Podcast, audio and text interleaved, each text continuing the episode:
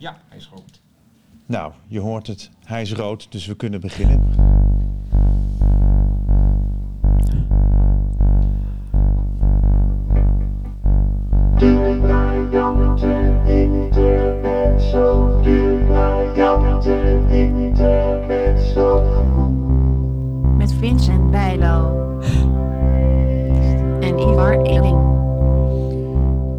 Jazeker, dat zijn wij, de briljante intermezzo. En vandaag een bijzondere editie, want wij staan hier live op de ZISO-beurs met publiek! Moet je nou toch eens horen. Ivar, eh, de CISO-beurs, Beatrix Gebouw. Het is nu, eh, eh, as we speak, vrijdag 30 september. Wat is precies de CISO-beurs? Leg jij dat nou toch eens even uit?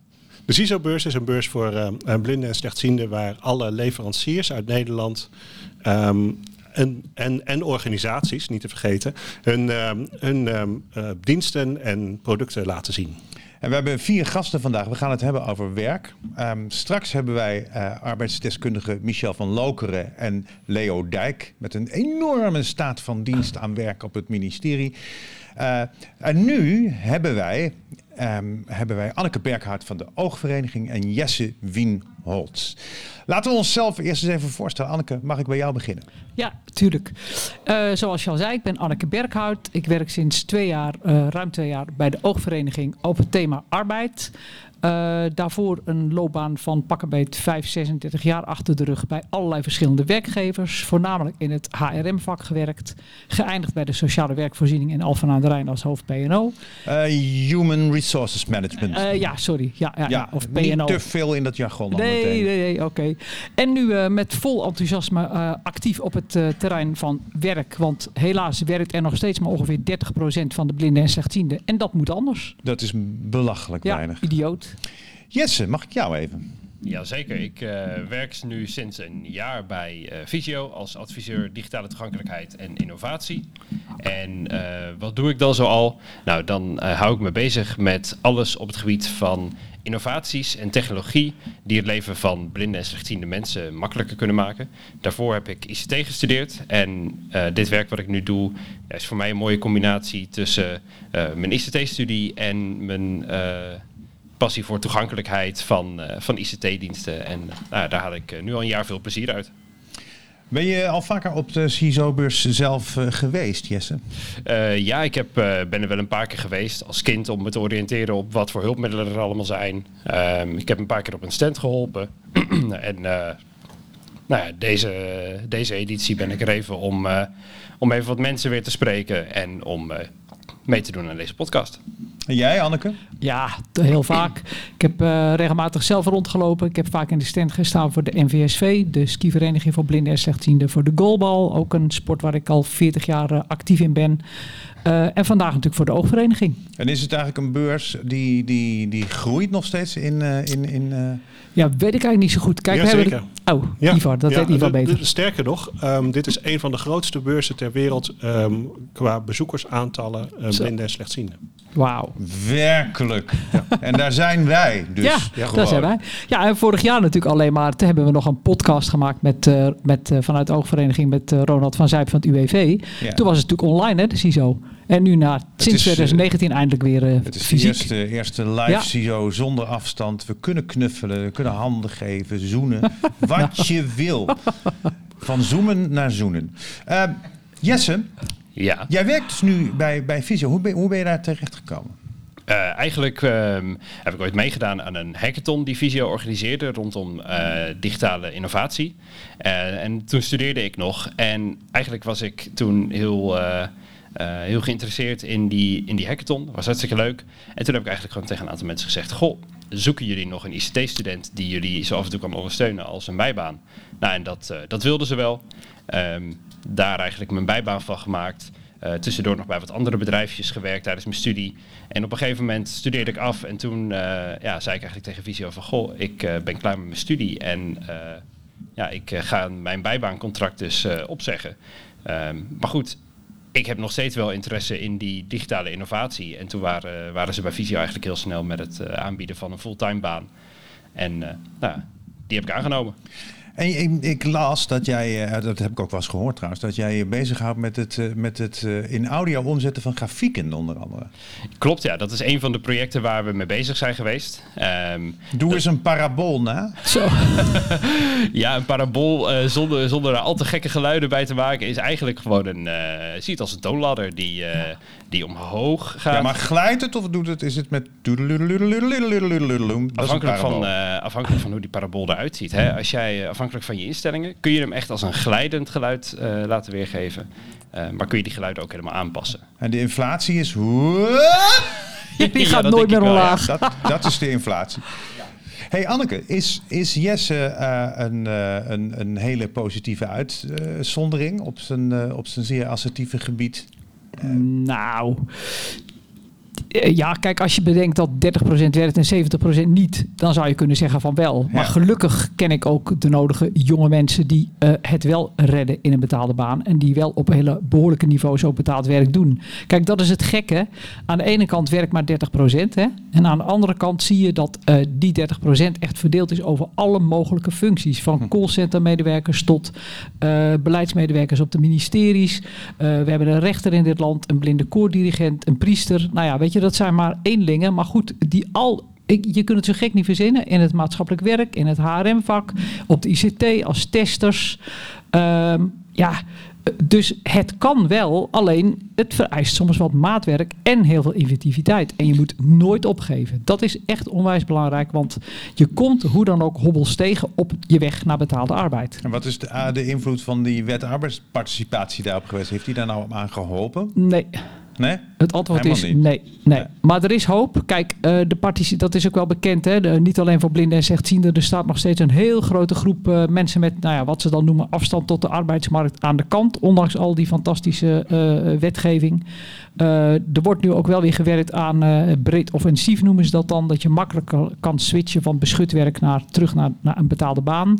Ehm, maar waar we vooral bij blinden en slechtzienden last van hebben gehad en nog hebben, is dat eh, vanaf 2015 vallen mensen die vanaf 2015 op de arbeidsmarkt terechtkomen eh, onder de participatiewet. En dat betekent dat zij begeleid moeten worden door de gemeente naar arbeid. Als ze hulp nodig hebben. En dat ook hun hulpmiddelen, voorzieningen, betaald moeten worden door de gemeente. Nou, dat, dat werkt gewoon niet geweldig. Eh, je moet je voorstellen, er zijn ongeveer 240 schoolverlaters per jaar, blinden en slechtzienden. Die zitten verdeeld over het hele land. Dus wanneer komt de gemiddelde klantmanager in 400 gemeentes in Nederland een keer in aanraking met een blinde of slechtziende student of, of, of jongere? Dat is natuurlijk, ja, dat is weinig en daardoor is die kennis ook heel slecht eh, aanwezig. Maar daar ligt dan een enorme, enorme taak in, in, in voorlichting, zou ik maar zeggen. Dus Absoluut. En die- wat we in ieder geval bereikt hebben, dat is echt goed nieuws. Er is een wijziging van de participatiewet in de maak. Dat roep ik al jaren, maar het is echt waar. Inmiddels zijn we zover dat die bij de Raad van State ligt het wetsvoorstel en dus vol- waarschijnlijk vanaf januari naar de Tweede Kamer gaat. En de kern van die wet is dat het verstrekken van werkvoorzieningen voor blinden en slechtzienden die nu onder de gemeente vallen, teruggaat van de gemeente naar het UWV. En dat dat ook geldt, en het is een heel heet, heet hang- hangijzer geweest voor de vervoersvoorziening voor woonwerk. Dus nou, dat is echt, ik ben daar echt heel blij mee. Maar Het dat moet, zou een enorme... En wanneer Ja. zou dat ingaan? 1 januari 2024 is nu de verwachting. 24. Ja, joh, ja, die politieke molenstraat. Weet je, we hebben natuurlijk Ja. de ellende gehad. Valkabinet, nieuwe minister. Nou ja, verzin het maar. Ja, ja, ja. Maar nu, eh, nu is er echt hoop. Dus ehm, En is er geen hoop dat het eerder is? Ik hoorde ook wel geruchten dat men probeert om het toch ook eerder te voor elkaar te krijgen. ja, kan. Het laatste gesprek wat wij hadden met het ministerie was vorige week. En daar werd 1 januari 2024 genoemd. Dus ja, alles wat het eerder is, is meegenomen, zou ik zeggen. Ja. Ja, Jesse, hoe is dat bij jou gegaan? Heb jij, heb jij eh, eh, nog veel hulp gehad bij, bij het eh, aanvaarden van st- of stageplek of baan? Nee, eigenlijk- Duwtjes? Eigenlijk niet. Ja, vanuit mijn eigen netwerk, ehm, waar ik gewoon zelf, zelf mensen in mijn omgeving vroeg om me mee te denken. Maar ik heb geen hulp gehad van instanties. Ik heb dat ook nooit opgezocht, omdat ik het heel belangrijk vind om zoveel mogelijk, zolang dat mogelijk is, zelfstandig te doen. Ja. En ook een volledige baan te hebben. Dus geen, eh, ehm, geen aangepast werk, omdat ik nou eenmaal blind ben. Nee. Ehm, dus ik heb heel erg daar zelf naar gezocht. En ja, ik heb ook wel het geluk dat ik die kans heb gekregen en dat ik die met beide handen heb aangepakt. Waardoor ik ook zonder enige hulp buiten de participatiewet of buiten welke wet dan om ook eh, gewoon werk heb. En eh, omdat ik al werk heb, is het ook makkelijker om bijvoorbeeld voorzieningen eh, te krijgen. Omdat ik gewoon eh, nou, bij het UWV gewoon kan aantonen dat ik gewoon een volwaardig contract heb. En dan is het aanvragen van bijvoorbeeld eh, vervoersvoorzieningen of eh, eh, een braille leesregel of wat ik dan ook maar nodig heb, eh, ook iets makkelijker. Ja, En heb jij, ehm, ken jij veel verhalen van, van leeftijdgenoten die wel heel veel obstakels tegenkomen, Yes? Ja, zeker. En dat, dat, dat kan door allerlei redenen komen. Hè, ik zit zelf in de ICT en dat is relatief een makkelijk vakgebied om werk in te vinden, omdat er gewoon heel veel werk is. Eh, dat helpt. En eh, het helpt ook dat ik heel erg eh, zelf op zoek ga.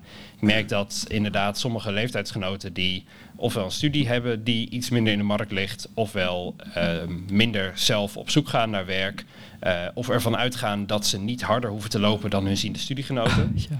ehm, dat het daarvoor vaak lastiger is.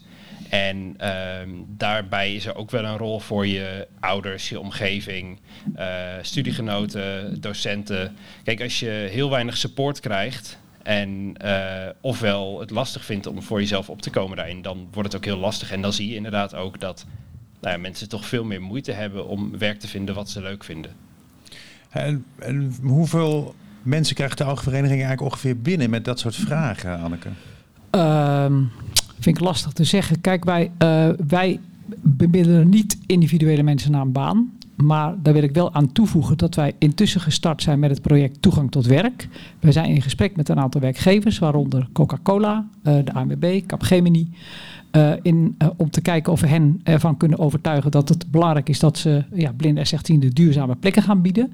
Dus ik wil ook echt iedereen oproepen die hier op de beurs rondom of deze podcast hoort. Ben je op zoek naar werk? Meld je bij werk.oogvereniging.nl of bel de ooglijn. Want ehm, het idiote is in deze rare wereld dat niemand een goed inzicht heeft in hoe de populatie werkzoekenden eruit ziet. Nee. Dus mijn grote zorg is soms, direct hebben we werkgevers. En zie dan maar weer eens aan de werknemers te komen hè, die die banen willen gaan invullen. Wie sterk vind jij dat dat eigenlijk is?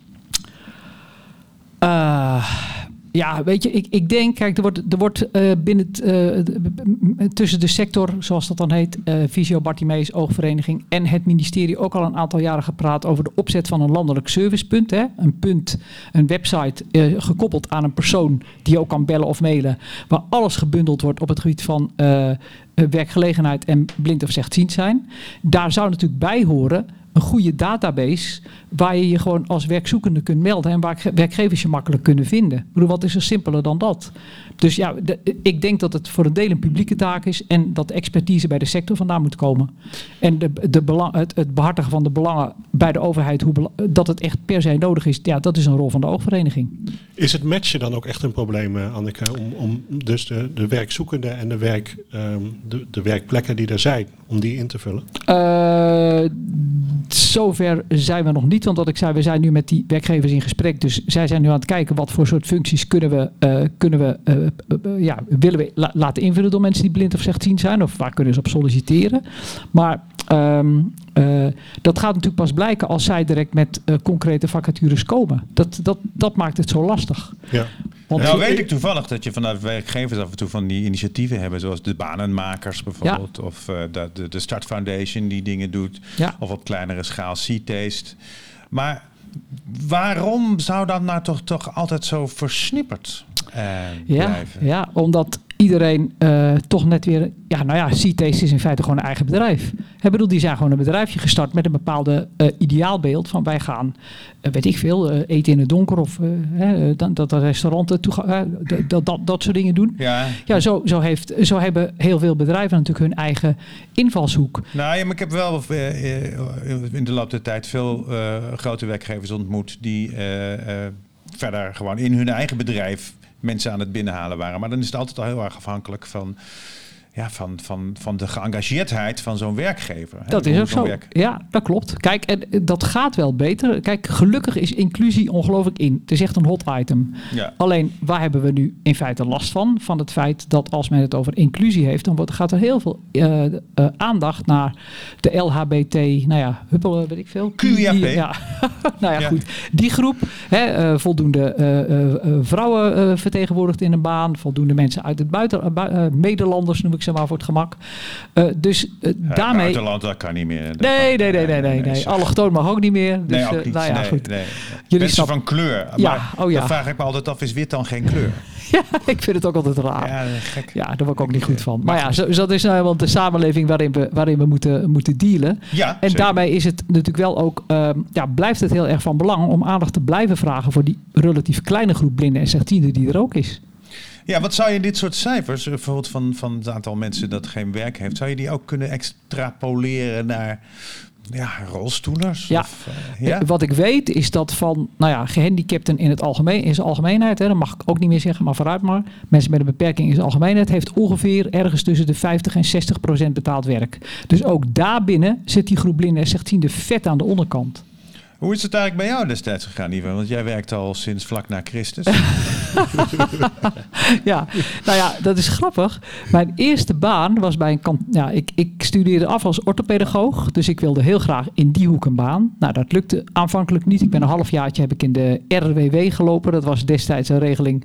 Oh Voor- ja, maar ja. Daar, daar zat iedereen in toen. Ja, nou zeg. Ja, ja. het, het was, Ik het was wel. ja, dan moest je elke maand met je werkbriefje naar de sociale Ja, dienst. ja. Verschrikkelijk. Ja, dat was vreselijk. Nou, Ja. dat, heb ik, dat heb ik dan gemist. Dus Ja. ik, ik, ik ben toch wat eh, later dan... dan Ja, eh, gelukkig Zo snel wel. mogelijk moest, je, moest je daaruit. Nee, Ja. maar wacht even, Anneke. Ja, en toen? Maar goed, toen ehm, eh, heb, had ik uiteindelijk twee sollicitaties lopen. Eentje bij de FOVIG. Dat was het, eh, zeg maar de, de verzameling van oude verenigingen van ouders voor blinden en slechtziende kinderen. Ja. Daar wilde ik heel graag werken, omdat ik dacht, als ik daar binnen ben, dan kan ik hulp gaan geven aan ouders. En dat was echt mijn ideaal. En eh, daarnaast was er eh, via destijds het Blindenwezen, dat was toen nog een club die ook hulpmiddelen verkocht en zo. Daar zat ene Jaap Witvliet en die was iets begonnen om blinden te helpen aan werk. En die belde mij, want ze hadden een werkgever gevonden bij een kantoorboekhandel in Den Haag. En die werkgever wilde een telefonist en die wilde per se een blinde, want die waren meer gemotiveerd, was het idee. Nou, Ja, ja, dat is ook zo. nou, hè, ze heeft hij mij aangenomen. En zo, ja, zo, uiteindelijk koos vooroordelen gesproken. ja, ja, maar goed, in dit geval werkte het positief. Ja. Ik was in zekere zin. Kijk, ik was natuurlijk aan de ene kant. eh, vond ik het heel jammer dat ik werd afgewezen bij de FOVIG. Maar goed, het was een tijd. Ik was een van de 400 follicitanten. Moet Welk je jaar nagaan. spreken we nu? 1985. 85. Oké. Ja. Het jaar onze heren. Nou ja. Ja. En, Anno Domini. ja, en dus, nou ja, weet je, dus toen ben ik als telefoniste begonnen. Maar ik dacht wel van, ja, hallo, ik ga meteen duidelijk maken wat ik, wat ik meer te bieden heb. En als die, eh, die hè, hij was toen directeur van een, eh, ja, betrekkelijk een boekhandel met 12 man. Ik denk, nou, wat, het eerste wat wij ook gingen doen was een telefooncentrale kopen, want die was er helemaal niet. Dus het was eigenlijk heel grappig. En mijn eerste weken bij die telefoon was ook leuk, want dan hadden we een telefoon met vier lijnen. En dan moest je dus aan een lampje boven die lijn kunnen zien welke lijn er brandde. En dan kon Ja. je dus op het knopje. Dan had ik zo'n stom Ja, lichtpotloodje. Ja. En dan kon ik met een lichtpotloodje kon ik zien welke lijn er brandde. Nou ja, zo ben ik begonnen. en Oh, dat door was het pioniers. ja, dat was echt, ja, maar toen ging ik voor hem heel gauw eh, eh, het, het rooster maken van de ATV-dagen, de ziekmeldingen doorgeven. Hij, hij had eh, gesprekken met medewerkers en die sprak hij in. Want ja, zo'n kantoorboekhandel verkoopt natuurlijk als geen ander dicteerapparaatjes. Dus ik werkte die dingen uit en typte ze uit. Nou, dat is mijn opstap geweest. Zo ben ik uiteindelijk in het PNO-werk beland, het personeelsadviseurswerk. En, en bij jou, Ivar, hoe is, het, hoe is het bij jou gegaan? Ehm, ik, ik probeerde te studeren, ehm, maar dat vond ik, eh, vond ik minder interessant. Ehm Nou, dan gaan we het in de volgende podcast gaan we het dan gaan we het daarover hebben. Maar, ehm, Dan de- diepen we dat eh, item verder. ja, nee, lijkt me nee, een goed idee. niet. Het Ja, zal, wel. Ja, nee, wel. goed. Uiteindelijk ehm, ehm, kwam ehm, destijds eh Tiemann naar mij toe. Oh, ja. En dat heet nu eh Optelec. Eh, maar vroeger was dat eh Tiemann. En die eh, vroeg of ik voor ze kwam, eh, kon komen werken. Maar hoe waren ze op jouw spoor gekomen dan? Ehm, nou, ze dachten van nou, als we ehm, die klant die zoveel problemen heeft, die mag zijn eigen problemen komen oplossen. Ah, Ja, Heel slim. zoiets. zo is het begonnen. Eh, Jessen, en, Ja. Als we het over jouw carrièrepad hebben, eh, eh, hoe, hoe denk jij eh, dat, dat te gaan doen? Je- zit voorlopig, neem ik aan, goed bij Visio. Ja, dat is een goede vraag. Ehm, nee, ik zit voorlopig goed bij Visio. eh, maar ik, ik blijf continu wel om me heen kijken naar wat voor kansen er allemaal liggen. Nou, het leuke is dat er meer dan genoeg mogelijkheden zijn om iets met ICT-innovaties te doen. Ja. Eh, voor, eh, los van of je nou blind bent of niet. En ehm, ja, ik verwacht gewoon dat daar de komende jaren nog genoeg werk in zal blijven bestaan. En eh, waar ik wel continu mee bezig ben, is mijn netwerk uitbreiden. Ehm, dus ja, mensen leren kennen en ehm, de linkjes leggen, niet alleen voor mezelf, maar ook voor anderen. En ik verwacht wel dat, ja, doordat ik probeer mijn netwerk steeds uit te breiden, ja, er uiteindelijk allerlei kansen wel weer op mijn pad komen eh, waar, ik, eh, waar ik blij van word. En wat is je ambitie, eh, Jesse? Voor als je kijkt van over 20 jaar, waar wil je zijn? ja, dat, dat is altijd zo'n dat is zo'n moeilijke vraag. Ja, ja. Er zijn zoveel dingen die ik leuk zou vinden. Maar als er iets is wat ik echt zou willen, is dat ik, een, dat ik bij kan dragen aan een ICT-ontwikkeling die het leven echt makkelijker maakt. En dan niet alleen voor blinden, maar, maar gewoon echt voor iedereen. Hè. Denk, denk in de orde van grootte van, eh, van zelfrijdende auto's. Of dat we nu de smartphone hebben. Dat, dat je aan zo'n ontwikkeling een klein Ja. stukje kan. Ja, ja. kan en die, bijdragen. die ontwikkeling versnelt steeds. Dus het is, Ja. we zitten wel in een geweldige tijd. Hè, wat Zeker, dat betreft, natuurlijk. zeker. Maar Ik wil even dit blok afsluiten eh, met een paar aanbevelingen aan eh, de gehele wereld. Eh Anneke, ga je gang. Eh, aanbeveling aan de hele wereld. Dan ga ik aanbeveling aan de werknemerskant. Geef nooit op. Zoek naar inventieve oplossingen en zoek hulp, onder andere bij de oogvereniging, omdat wij jou in contact kunnen brengen met anderen die mogelijk al tegen dezelfde problemen zijn aangelopen. Volg onze webinars, kijk in onze nieuwsbrief. En voor de werkgevers, zorg in hemelsnaam vanaf het begin dat je ICT-infrastructuur structuur toegankelijk is. En vergeet dat zeker niet als je al mensen in dienst hebt eh, die blind of slechtziend zijn. En je hebt een update, want dat hoor je toch ook maar al te vaak, dat het dan weer misgaat. Ja. Jesse, jij? Eh, Aanbevelingen? Ja, voor de, voor de, voor de werknemer eh, of wie dan ook met een visuele beperking, ehm, ga er niet vanuit dat het niet lukt. Ga het Nee, gewoon proberen. precies. Vind werk. Kijk ook buiten de gebaande paden. Dus niet alleen bij de organisaties voor blinden en slechtzienden, maar ga ook je eigen netwerk na. Eh, bedenk wat je voor werk zou willen doen los van je beperking. Ja, en dan meestal is dat wel mogelijk. En kijk ook naar bijvoorbeeld, ehm, ja, ik noem het wel eens eh, rolmodellen van mensen die net iets verder zijn eh, in het werkveld wat jij wilt doen. Ehm, nou ja, ga daar, eens wat, eh, ga daar eens wat mee drinken en leer van hoe zij dingen hebben aangepakt. Daar leer je vaak, vind ik, het meeste van. En vanuit de werkgever denk ik dat het heel belangrijk is inderdaad om open te staan voor blinde slechtziende mensen. Maar toch ook om blinde slechtziende mensen een kans te geven in allerlei verschillende soorten banen. Dus je hoeft niet speciaal een baan te gaan creëren voor iemand Nee. die blind is. Nee, Eh, nee, nee, helemaal niet nodig. niet. Nee. Ehm, maar de meeste blinden en slechtzienden kunnen prima in allerlei verschillende eh, vacatures eh, eh, eh, ja, een bijdrage leveren. En, en dat, zouden mede, dat zouden werkgevers nog wel vaker mogen zien. Ja. Ja. Mag ik nog één dingetje zeggen? Want ik zou het zonde vinden als het idee ontstaat omdat Jesse toevallig bij Visio zit en ik nu toevallig bij de oogvereniging. Ik heb echt absoluut diverse banen gevonden door gewoon op een advertentie te solliciteren zonder enige hulp. Dat wil ik gewoon nog even toevoegen Ja. om het beeld Ja, even te, ja. te completeren. Het kan echt. Ja, helemaal eens. Right. Eh Ivar, jouw aanbevelingen doen we aan het eind van, de, van deze gehele podcast. Want eh, ik wou jullie nu, eh, Anneke en Jesse, enorm bedanken. En eh, we gaan even wisselen. Bedankt, Anne, Anneke en Jesse. Gra- graag gedaan. Want dan zou ik nu graag Leo en Michel eh, hier aan de tafel. Is het overigens met de verstaanbaarheid oké? Ja hoor. Ja? Ja,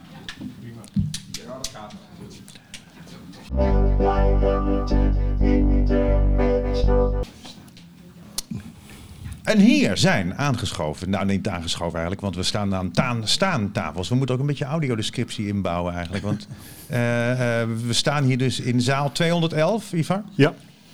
211 van, eh, van we hebben eh, 950 man publiek. en eh, die- dat is heel netjes publiek. Het, het, het, het, houdt zich erg in. Intussen zijn hier Leo Dijk en Michel van Lokeren eh, aan, aange, aangestaan. Eh, laten we ons eerst even voorstellen. Michel, mag ik met jou beginnen? Ik ben Michel, ik ben arbeidsdeskundige bij Obol sinds 26 jaar. En ik doe werkplekonderzoeken, onder andere met Lexima, bij bedrijven waar mensen met oogklachten werken. En ik ondersteun mensen bij het vinden van werk. Obol, waar staat Obol voor? Eh, dat is ooit eh, zes- 26, 26 jaar geleden ontstaan met de oprichters. Ik ben van Lokeren en destijds was ik samen met Gerben de Boer. Eh, en ja, wat zit te goochelen met woorden en obol is, is een Grieks muntje wat je destijds nodig had eh, om de rivier de Styx over te steken. Ja, maar dan ging je dood.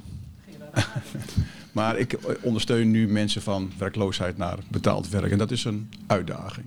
Juist, en dat doe je dus inderdaad al vreselijk, eh, vre- nou, vreselijk lang niet, maar behoorlijk lang. Want Zeker. wij hebben nog samen op het Blindeninstituut gezeten. Zeker, dat was in 66? Nee, van 48 tot 54 was het. Precies. Nee, ik ging er in 78 af en jij was, jij was een, een ongelooflijke grote gast waar ik enorm tegen opkeek. Ja, volgens mij kom ik ook nog in jouw boek voor als eh, personage. Nee, volgens mij niet. Oh, nou, Nee, ik heb, ik heb jou gespaard. gelukkig. Oké. Eh, Leo Dijk, Ja, hoi. Leo Dijk. eh, ik ben arbeidsjurist voor de Rijksoverheid. En het ministerie van Binnenlandse Zaken betaalt mijn eh, maandelijkse salaris.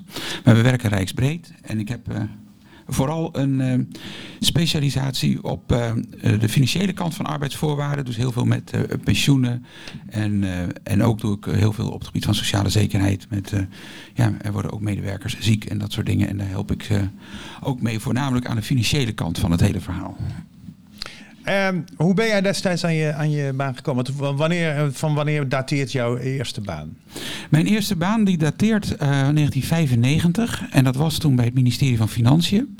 En daar ben ik eh, op, op gekomen omdat ik eh, gewoon gesolliciteerd had. Ehm, en daarvoor had ik stage gelopen bij de Vereniging Nederlandse Gemeenten. Dat was nog in mijn studietijd. En ik, ik denk dat ik daar vooral geleerd heb hoe werken is en wat ik daarvoor nodig heb om goed te kunnen functioneren. En dat maakte mij heel zelfverzekerd bij het solliciteren. eh, waardoor ik dus bij financiën terechtgekomen ben. Maar het was echt je eigen power die dat Ja. deed. Ja, dat was echt mijn eigen power, eigen power ja. Bestond er toen al steun vanuit de blinde wereld? Of vanuit de, eh, ja, weet wat voor wereld dan ook? Nee, nee ik, heb, ik heb niet het gevoel gehad dat ik op dat moment eh, vanuit de blindenwereld steun had. Ik had natuurlijk op Bartimeus gezeten, ben je daar, ben je daar weg. Ehm, en, en, en dan, ja, dan, dan ben je er ook wel even klaar mee, zal ik maar zeggen. Dus, dus ik, ik had ook heel erg zin om mijn eigen weg te zoeken. En dat, nou, is best goed gelukt. Ehm, maar het, het, het is ehm, eh, wel zo dat ik ook vrij snel natuurlijk ook wel in die, in die, in die blindenwereld terecht kwam. En wij hadden op de universiteit wel mensen die heel goed eh, wisten wat nodig was om, om, om, er- om er een succes van te maken. Dus op de universiteit had ik wel goede begeleiding, maar die stond eigenlijk helemaal los van, eh, van, van, van de ik maar Nou ja, en dat is natuurlijk eigenlijk ook heel inclusief, zou ik maar zeggen. Ja, dat was, dat was echt, daar kijk ik met heel veel plezier op terug. Wat voor mensen, Michel, eh, eh, ehm, help jij zoal aan banen?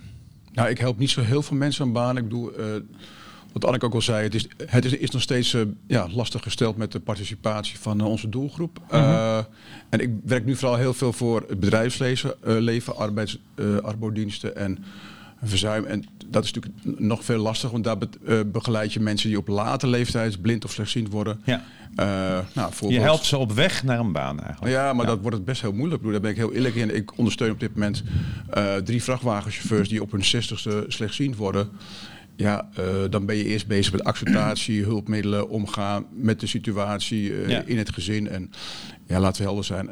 ik heb nu een aantal mensen die vooral in Zeeland wonen. Ja, als je daar slechtziend wordt eh, en de bus gaat twee keer per, per dag, dan wordt het vinden van werk echt een enorme uitdaging. Dus Maar eh, beschrijf eens praktisch hoe je, hoe je dat doet. Nou, vaak heb je natuurlijk eh, een, een traject van ongeveer zes maanden dat je met mensen gaat kijken van oké, je was dit en, en, en wat heb je nog meer voor kwaliteiten? Je brengt ook wel heel vaak de hulpmiddelen in, in kaart. Mensen hebben daar echt amper kennis van. Je, en probeert ook in het begin ook vooral de, de zelfredzaamheid te, te organiseren. En ik merk ja, heel veel mensen vinden het ook gewoon heel lastig, bijvoorbeeld met een herkenningsstok of met een, met, met, met een nou, laat staan met een blinde geleiderstok gaan ze helemaal niet lopen. en daar ontstaan natuurlijk wel heel veel problemen, want mensen gaan overdag nog gewoon eh, met hun kinderen naar school, eh, lopen zonder stok. Eh, aan de buitenkant zie je niet dat mensen slechtziend zijn. En, en ja, dan krijg je op een gegeven moment ook wel een soort dat mensen in een soort isolement terechtkomen. Dus je bent veel meer met coaching bezig dan echt daadwerkelijk Maar het heeft ook een, een grote psychische kant natuurlijk. een hele grote psychische Ja. kans. Ja. Ja. Want je- ik neem aan dat je ook veel, veel woede, frustratie tegenkomt. Ja, zeker. Eh, Mensen zijn heel vaak ja, ten eerste teleurgesteld dat ze een baan kwijt zijn geraakt. En, en, en in, nou, in het tweede jaar van ziekte schiet je ook heel vaak qua inkomen eh, ga je terug. Nou, in deze tijd met de toenemende boodschappenkosten wordt dat natuurlijk helemaal een uitdaging. En ja, je merkt ook dat mensen gewoon een plek moeten krijgen in het gezin, in partners, eh, met kinderen. doe, ja, en, en ook ja, gaan mensen, gaan collega's missen. Dus ja, je bent meer aan het coachen dan echt daadwerkelijk solliciteren. Ja, terwijl de wet poortwachter, hè, waar we over praten, wel eist dat je op zoek gaat naar banen, solliciteren. En dat kan ook wel. Alleen ja, dat kost wel meer tijd en ja, meer bewustwording van de situatie waar je in terecht gekomen bent. Doe even een paar zinnen. Wat, wat is de wet poortwachter? Het is om, ieder- iedereen laat dat altijd vallen. Maar één als je- minuut. Als je, als je ziek wordt, Ja. eh, als buschauffeur, je, je hebt bijvoorbeeld glaucoom, dan word je ziek gemeld. En dan gaat de wet poortwachter lopen, die duurt twee jaar. En dan krijg je te maken met een bedrijfsarts, een arbeidsdeskundige.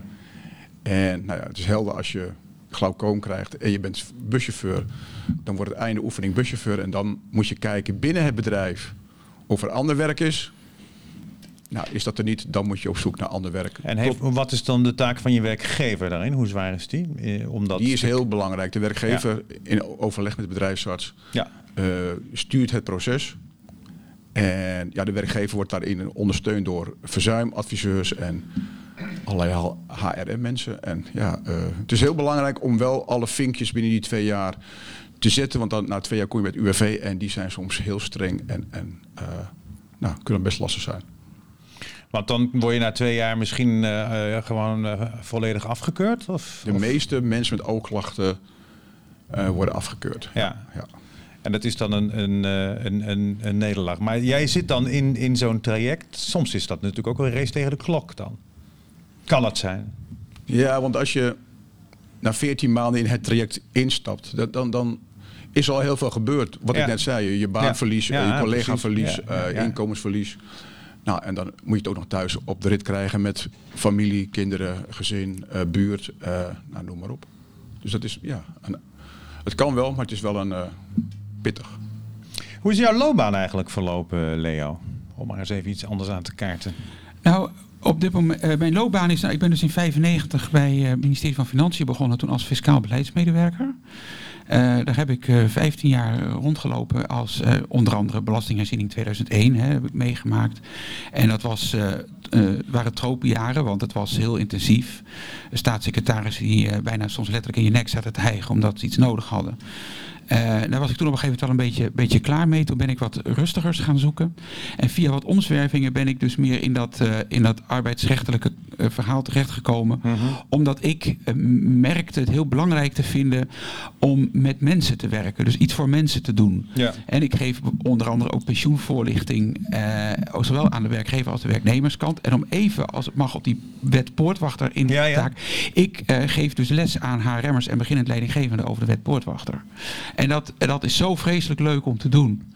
Eh, maar ik, ik ben dus echt wel heel erg bezig mijn eigen eh, baan, eh zal ik zeggen, mijn baan zelf in te richten. Van, vooral te zoeken naar dingen inderdaad die wel kunnen.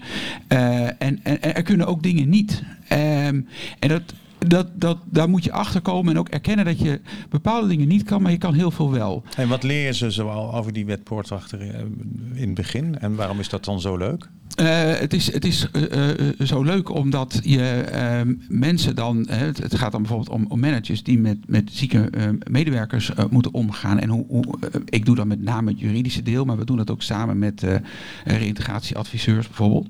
En dat je dan kan vertellen welk traject je doorgaat met, met zieke medewerkers. Want dat, dat zieke medewerker is, is natuurlijk niet leuk.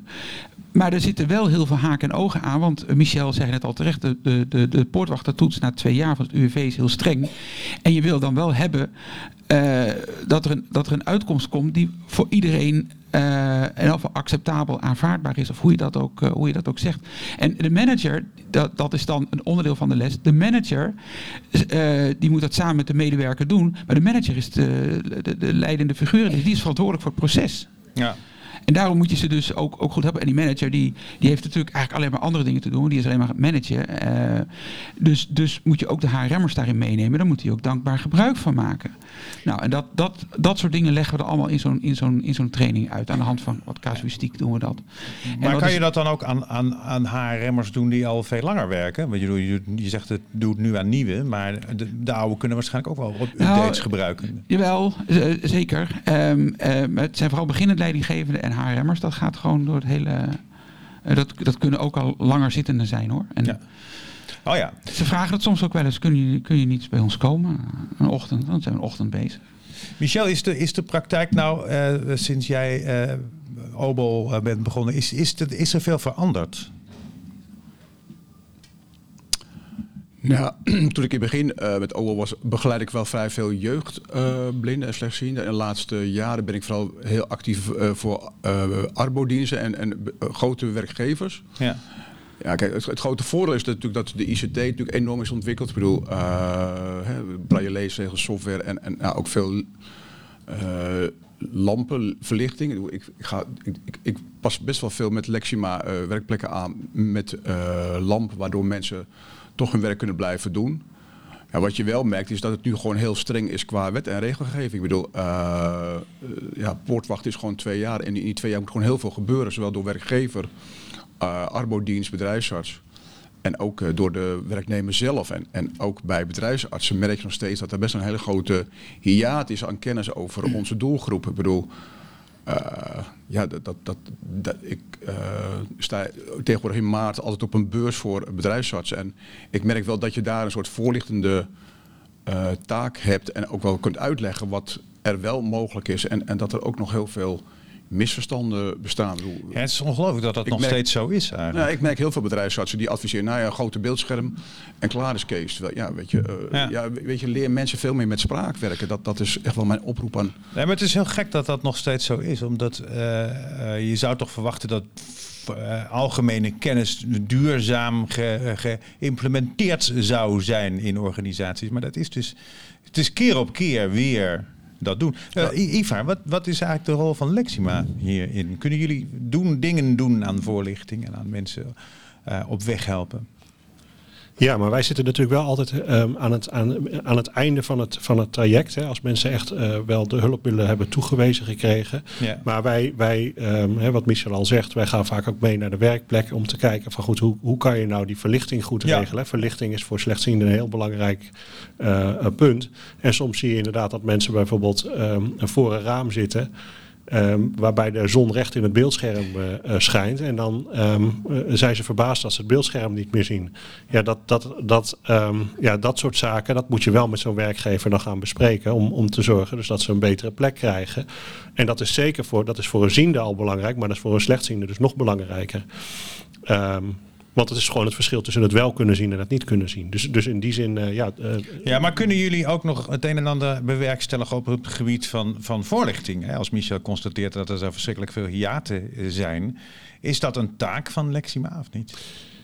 Nee, in principe, in principe niet. Ehm, wij zijn er wel gewoon voor onze klanten. Dus wij, hè, dus wij helpen wel, de, wij lichten wel de klanten voor van wat voor mogelijkheden zijn er en, en wat, voor, wat voor hulpmiddelen zijn in jouw geval het, het beste. En waar zou je, hè, we doen ook een stukje training bijvoorbeeld op die hulpmiddelen. Maar dat zit wel, wij zitten echt aan het eind van het traject. Leo, heb jij eigenlijk eh, het idee dat, dat, dat eh, alles wat jij aan capaciteiten eh, in je hebt eruit zijn gekomen tot nu toe in jouw loopbaan? Ja, dat, dat denk ik. Ik denk, ik denk dat ik het goed heb gedaan. Ik, ben, ik ben heel tevreden. Ehm, maar ik, ik merk ook wel dat eh, dingen, eh, bepaalde dingen ook wel lastiger worden. En zo straks werd al gezegd, je moet heel erg eh, ook, ook zelf voor jezelf, zeggen, het, bedenken en het opkomen. Ik denk dat, dat dat heel belangrijk is. En ik merk naarmate je ouder wordt, wordt dat wel lastiger. En vermoeiender inderdaad. Dus, dus dat, dat, in die fase ben ik nu wel beland. En daar, daar zoek ik dan ook hulp bij. Ehm, want ik, ik wil wel graag nog een aantal jaren met plezier blijven werken. Ja. Maar het, wordt wel moeilijker. En dat, en dat zit hem wel met name in, de, in, de, in die ICT-kant. Ehm, omdat je toch merkt dat in, in het fundament men niet doorheeft wat, eh, wat wij nodig hebben. En dan zijn er inderdaad gelukkig bedrijven eh, zo, zoals eh Lexima die daar heel goed in meedenken en meehelpen. Maar in, in, in, in, in de basis is er veel te weinig kennis en besef dat je, dat je ook blinden en erin mee kan nemen die dan, dan heel goed kunnen, kunnen functioneren. Ehm, en dat, en dat, zijn, dat, zijn, dat zijn de grote jongens. En, en, en het tweede punt is denk ik ook aan het, hè, het onderzoek van, van Erik Velleman van een paar jaar geleden over de toegankelijkheid van websites. Hè. Dat, dat was dan ook zo. Bijvoorbeeld iets wat we werken heel Erik veel met is, internetapplicaties. Directeur van de stichting Accessibility. Ja, en, en Erik die heeft er onderzoek gedaan. En het, het klinkt heel simpel, maar het is heel knap. Hij zegt, als er in het hoger echelon van een bedrijf... eh zal maar zeggen, be- begrip voor is, dan gaat het goed. En ik denk dat dat klopt, want ik heb ook op de werkvloer, bij mij op het werk, ook techneuten die me heel goed helpen en alles voor me willen doen. Maar in wezen lopen die mensen tegen dezelfde muur aan als ik. En dat, eh, en, en dat is denk ik wel een, een en, en dat probleem neemt toe. En dat is wel heel jammer. Dat is ontzettend jammer. Als we één ding kunnen constateren, eh, zo bijna aan het eind van deze podcast, is dat het voornaamste is waar het aan manco, waar manco aan gaat, is natuurlijk de kennis. Mank aangaat, is het gebrek aan kennis. En het gebrek aan duurzame kennis. Dus dat er altijd maar weer opnieuw moet worden voorgelicht. Michel, de toekomst, wat gaat die brengen? Heb jij ook aanbevelingen doen? Voor werknemers, nou, dezelfde die eh, Anneke en, eh, hoe heet die? Eh, Jessen? Jesse ook zei van, ja, houd vol, het, het- blijf in jezelf geloven en, en ja, gebruik goed je netwerk. En ik heb nog wel een aanbeveling aan de instanties in Nederland die zich bezighouden met deze doelgroep. Eh, laten we vooral ook eh, voortgaan met het project bij, bij Visio. Ik zoek een bijbaan. Ik denk dat dat heel belangrijk is. Ik denk dat je startkwalificatie op de arbeidsmarkt heel belangrijk is als je een aantal bijbaantjes hebt gehad. Ik, doe, ik, ik had zelf heel weinig eh, bijbaantjes vanwege mijn blindheid. En nou, daar begint echt je sociale vaardigheden, je, je, je sollicitatievaardigheden en omgaan met collega's. Er was Eh. een of andere campagne voor. Oh, dat was het Bartimeus Fonds. Die ging over bijbanen. Een campagne. Ja, beginnen. volgens mij is dat samen met, met, met Visio ook. En dat, ik denk dat dat heel Ja. goed is. Dat je ja, gewoon. dat eh, lijkt mij wel. Dus- en, en wat ik ook wil oproepen is dat we eh, bij de instantie laten we vooral heel veel eh, investeren in trainingen met, met software. Eh JAWS, eh, Supernova. Want wat ik nog steeds heel veel eh, tegenkom is dat mensen goede dingen doen, eh, maar heel veel eh, les krijgen in iPad en iPhone training. Maar wil je echt op de arbeidsmarkt eh, meters maken, dan heb je echt een enorme goede beheersing van JAWS en Supernova nodig. Juist. Ivar, jouw aanbevelingen. Nou, ik sluit me, sluit me zeker aan bij, bij Michel, wat hij zegt daar. Dat zien wij, eh, zien wij ook heel veel op werkplekken, dat mensen gewoon te weinig eh, ICT-vaardigheden hebben. En een ander punt is denk ik dat je ehm, als, als werknemer ehm, er positief in moet blijven staan. Ehm, op het moment dat je, hè, je, je, gaat gewoon tegen, tegen, af en toe tegen muren aanlopen en dan moet je oppassen dat je niet negatief wordt, maar dat je het positief blijft benaderen. Want dan krijg je ehm, je omgeving krijg je mee Ja. ehm, om, om, om het wel voor elkaar te krijgen. Dus ik denk eh, positiviteit is denk ik heel, heel erg belangrijk. En, maar wat ik zelf eigenlijk altijd wel heel belangrijk vind, is dat er ook, dat er ook absoluut empathie gekweekt moet worden. eh, dat is iets wat heel vaak gewoon ontbreekt. En dat is niet eens zozeer dat men het niet wil, maar men leeft gewoon heel erg in zijn eigen kokon. Dus ik merk zelf heel vaak dat mensen echt geen idee hebben hoe dingen voor anderen werken, maar dat ze ook niet.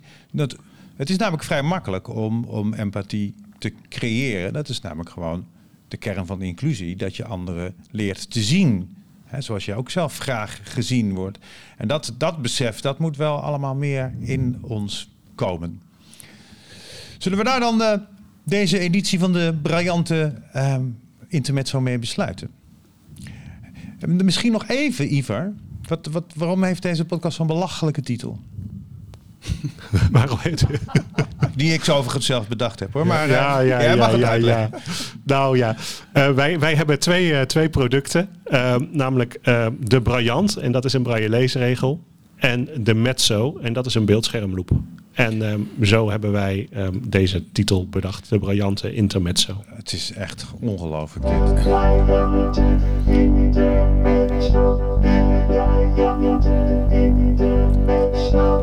Mag ik jullie enorm bedanken allemaal. En het publiek ook heel erg bedankt.